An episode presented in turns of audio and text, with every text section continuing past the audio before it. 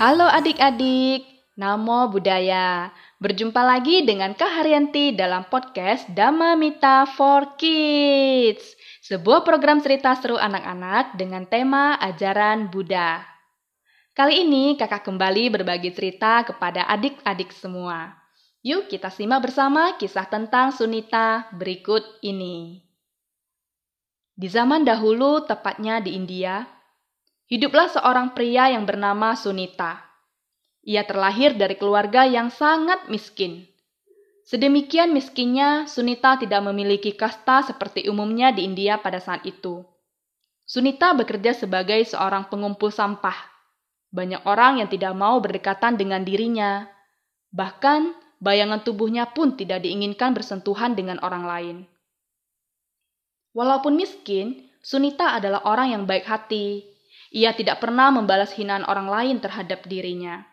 Bahkan, ia menunjukkan rasa hormat kepada mereka dan tidak pernah mengganggu mereka.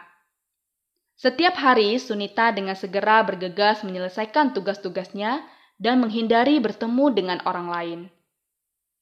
Pada suatu pagi, seperti biasa, Sunita sudah berkeliling kampung dari rumah ke rumah untuk mengumpulkan sampah.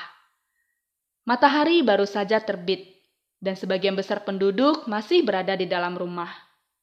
Buddha dan rombongan biku sedang memasuki kampung untuk menerima dana makanan. Sunita melihat rombongan itu, dan ia segera menyingkir dari jalan supaya rombongan para biku tidak melihatnya dan tidak terganggu oleh dirinya. Sunita berusaha untuk menyembunyikan diri, namun rombongan biku tersebut tetap berjalan ke arah dirinya. Buddha melihat Sunita yang berusaha untuk bersembunyi dan beliau memancarkan cinta kasihnya yang luar biasa kepada Sunita. Melihat Buddha datang menghampirinya, Sunita kemudian menjatuhkan dirinya, bersimpuh dan memohon agar diterima sebagai murid Buddha. Buddha pun berkata, Datanglah, oh biku.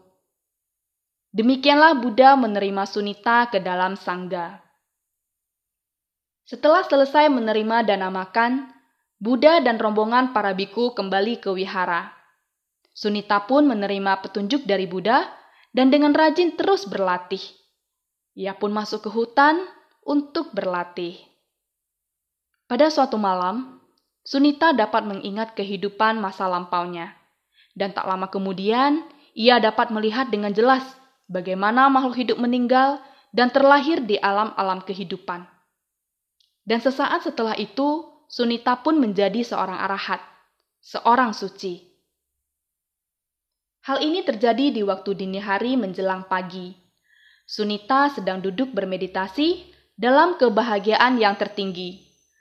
Lalu seberkas cahaya muncul di hadapan Sunita. Ia adalah Saka, Raja Dewa. Saka bersujud dan beranjali kepada Sunita. Ia mengucapkan sebaik pujian dan kemudian menghilang.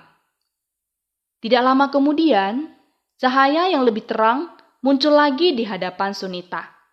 Kali ini tidak lain adalah Sang Maha Brahma. Ia bersujud dan memberikan penghormatan kepada Sunita dan mengucapkan juga sebaik pujian sebelum kemudian menghilang. Raja Saka maupun Mahabrahma keduanya mengucapkan sair yang sama, yaitu Hormat kepadamu, oh manusia yang luar biasa. Hormat kepadamu yang tertinggi di antara manusia. Sudah sirna kekotoran batinmu. Engkau adalah yang layak menerima persembahan dan penghormatan. Buddha dengan kemampuan mata batinnya yang luar biasa mengetahui kejadian ini dan tersenyum. Nah, adik-adik, demikian cerita tentang Bante Sunita. Seorang pengumpul sampah yang menjadi seorang yang dihormati bukan hanya oleh para manusia bijaksana, bahkan oleh para dewa dan Brahma.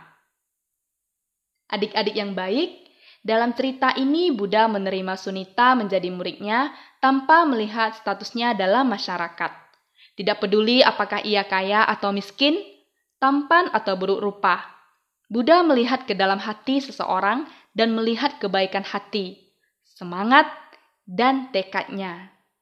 Nah, ketika adik-adik berteman dengan orang lain, pilihlah teman yang baik hati, yang selalu mengingatkan adik-adik untuk melakukan hal yang baik, mencegah adik-adik untuk melakukan perbuatan yang tidak baik, dan selalu memberikan semangat kepada adik-adik.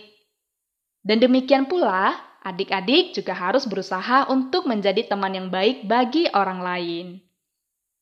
Sampai di sini ya cerita dari Kak Haryanti. Kita bertemu kembali minggu depan dengan cerita yang tidak kalah seru. Jangan lupa untuk terus mengikuti channel Dama Mita for Kids dan beritahu teman-teman tentang Dama Mita for Kids supaya nanti kalian bisa bersama-sama mendengarkan cerita-cerita seru ya. Salam meta dari kakak untuk kalian semua. Semoga adik-adik berbahagia. Semoga kita semua berbahagia. Semoga semua makhluk berbahagia.